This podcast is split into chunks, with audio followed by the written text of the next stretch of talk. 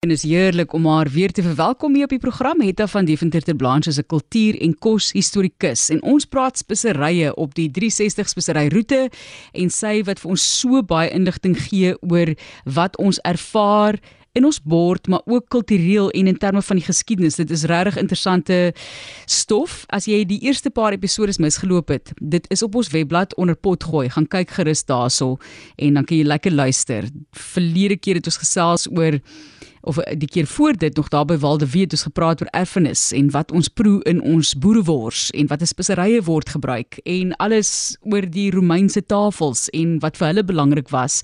Maar Oktober soos Etta sê is die mooiste mooiste maand, alles blom en wat het suikerbossies en speserye met mekaar in gemeen? Welkom Etta.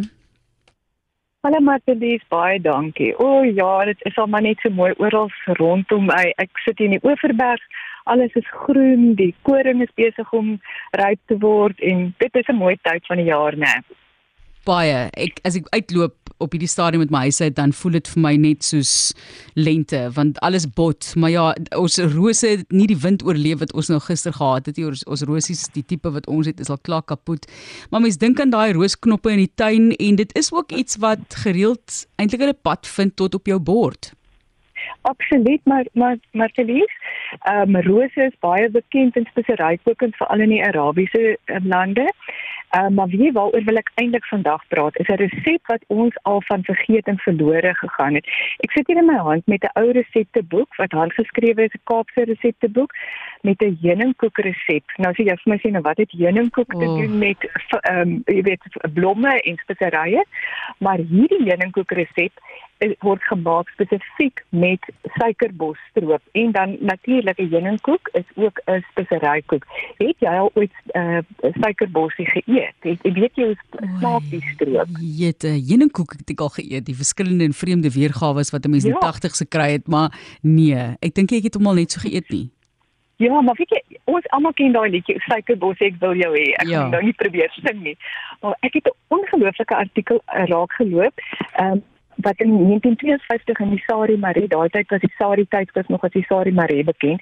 En die het het vertel oor die stroopslaaners van die Woudwil. Nou dit was 'n klein gemeenskap wat hulle uh, was 'n baie eenvoudige lewe op 'n plaas en hulle het nog met donkiekarre gery. Die vrouens het meestal die suikerbos geoes uh, en hulle het ook geglo dat jy moet die suikerbos die die wit een en nie die rooi een oes nie want blykbaar het die rooi een se se stroop uh, suur geword. Dit was 'n verskriklike harde werk. Die arme vrouens is op hulle donkie karretjies die veld in met die kindertjies saam en die baba sommer met blykbaar met velletjies, bokvelletjies op die rug vasgemaak. Dan het hulle die uh, blomkelke uh, gepluk en dan hulle hulle het gesê hulle slaan dit, maar eintlik het hulle dit net so getik teen die ehm um, teen teen 'n emmer en dit het hulle tot 'n hele dag lank gevat om so suikerbos emmer vol stroop te maak. Dan het hulle dit in die aandhuise geneem en oor oop vure afgekook.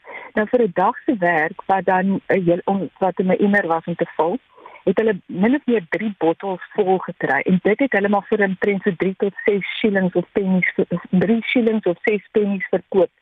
Ehm um, nou moet jy weet dit was arm arm en harde werk geweest. Maar hierdie resep wat ek gou vir jou vertel, wat sê hierdie resep? Hy sê gelyke hoeveelhede ehm um, stroop, suikerbostroop, honing en dan sommer 'n half pond naaltjies en 'n halwe pond kaneel. Jette. En dan Ja, maar hulle was nie skaam vir vir spesery nie. En dan 'n diepe bord konfyt. Nou ek weet nie hoeveel konfyt dit was nie en dan dan dan meel wat nou nie gespesifiseer was maar gewoonlik sou dit gelyk hoeveel lede wees. Ek het al hierdie resep gemaak. Ek gaan vir jou vertel wat maar heuningkoek het 'n verskriklike interessante geskiedenis.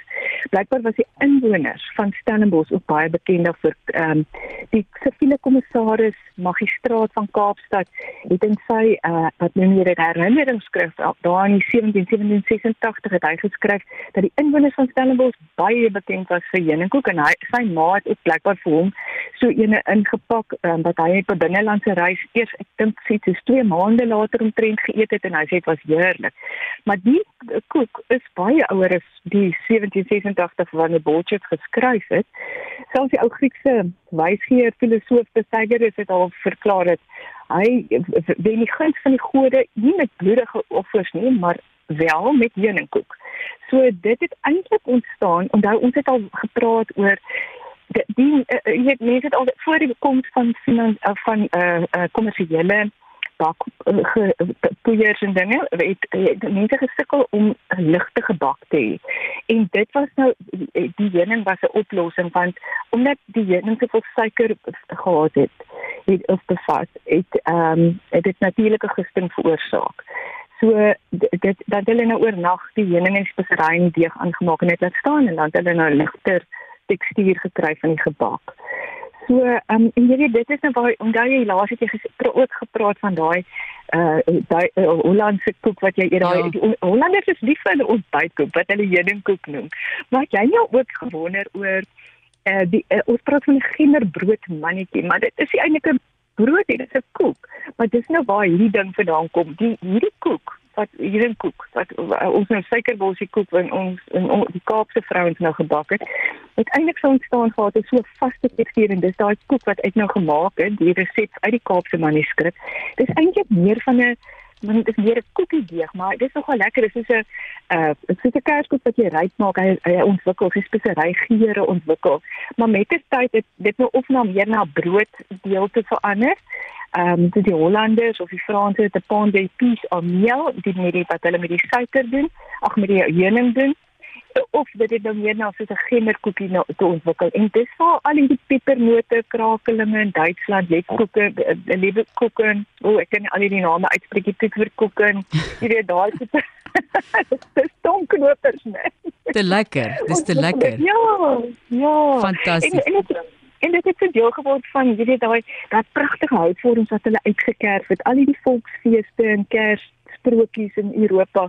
As jy nou da, da, dan sien jy nog hierdie tradisionele koeke. Nou nie dat dit nou meer so gewild is nie maar dit is rondom verweef met ons tradisies Eta van Deventer ter Blanche ons kultuur en koshistorikus wat vandag gepraat het oor daardie rose en suikerbos en heuningkoek. Sê maar vir my of jy dit al geëet het en daar's verskillende tipes heuningkoek ook. Dit kan is regtig lekker. Ek dink dit was my pa se gunsteling koek, maar dit was baie eenvoudig. Dit was nie dit hulle het dit 'n heuningkoek genoem, maar dit was eintlik maar net room op 'n vanille basis. Seta baie baie dankie. Volgende week gaan ons vir by die Woordfees verwelkom. Dit is ons 360 spesery roete. Heerlike naweek vir jou. Geniet dit daar waar jy is met daai mooi ou kookboek.